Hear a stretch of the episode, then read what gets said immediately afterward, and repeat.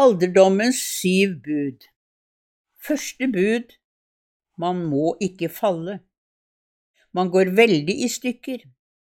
Ikke bare at man brekker armer og ben, men med sykehusopphold og stilleliv i måneder skjer det noe med sinn og sjel. Man blir tilbakestilt, og avgjørende saktere også mentalt. Da blir man gammel. Derfor Skotøy er viktig. Solide hæler. Tøfler skal ikke være åpne, men sitte fast. Også sandaler. Se etter rekkverk. Be om en arm. Bruk staver i skog og mark. På vinterføre skal sålene ha trygge mønster, og selvsagt pigger når det er glatt. Pass opp for teppene i heimen. Om aldri så verdifulle og vakre, de bør fjernes. Husk, man faller fordi man er redd for å falle.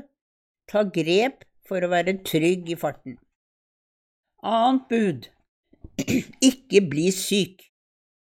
Pass enda mer på helsen. Spis mindre. Drikk enda mindre vin og for all del ikke sterkere saker. Ikke frys. Ta i bruk alle behandlingstilbud i randsonen av skolemedisinen som fysioterapi, massasje, akupunktur, nevrorefleksologi og selvsagt trening av alle slag. Drikk mye vann, og la hjernen få hvile med søvn og meditasjon. Les bok. Tredje bud bo riktig. Det går ikke med villaen lenger. Man må ikke ha trapper.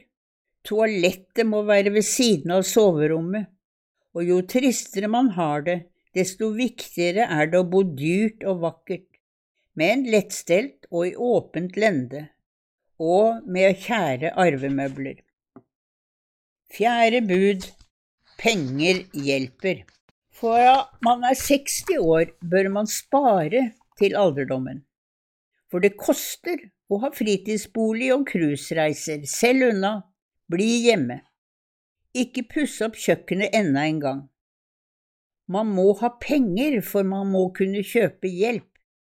Yngre generasjoner bor over alle hauger og har det travelt, og det er nedverdigende å be om hjelp.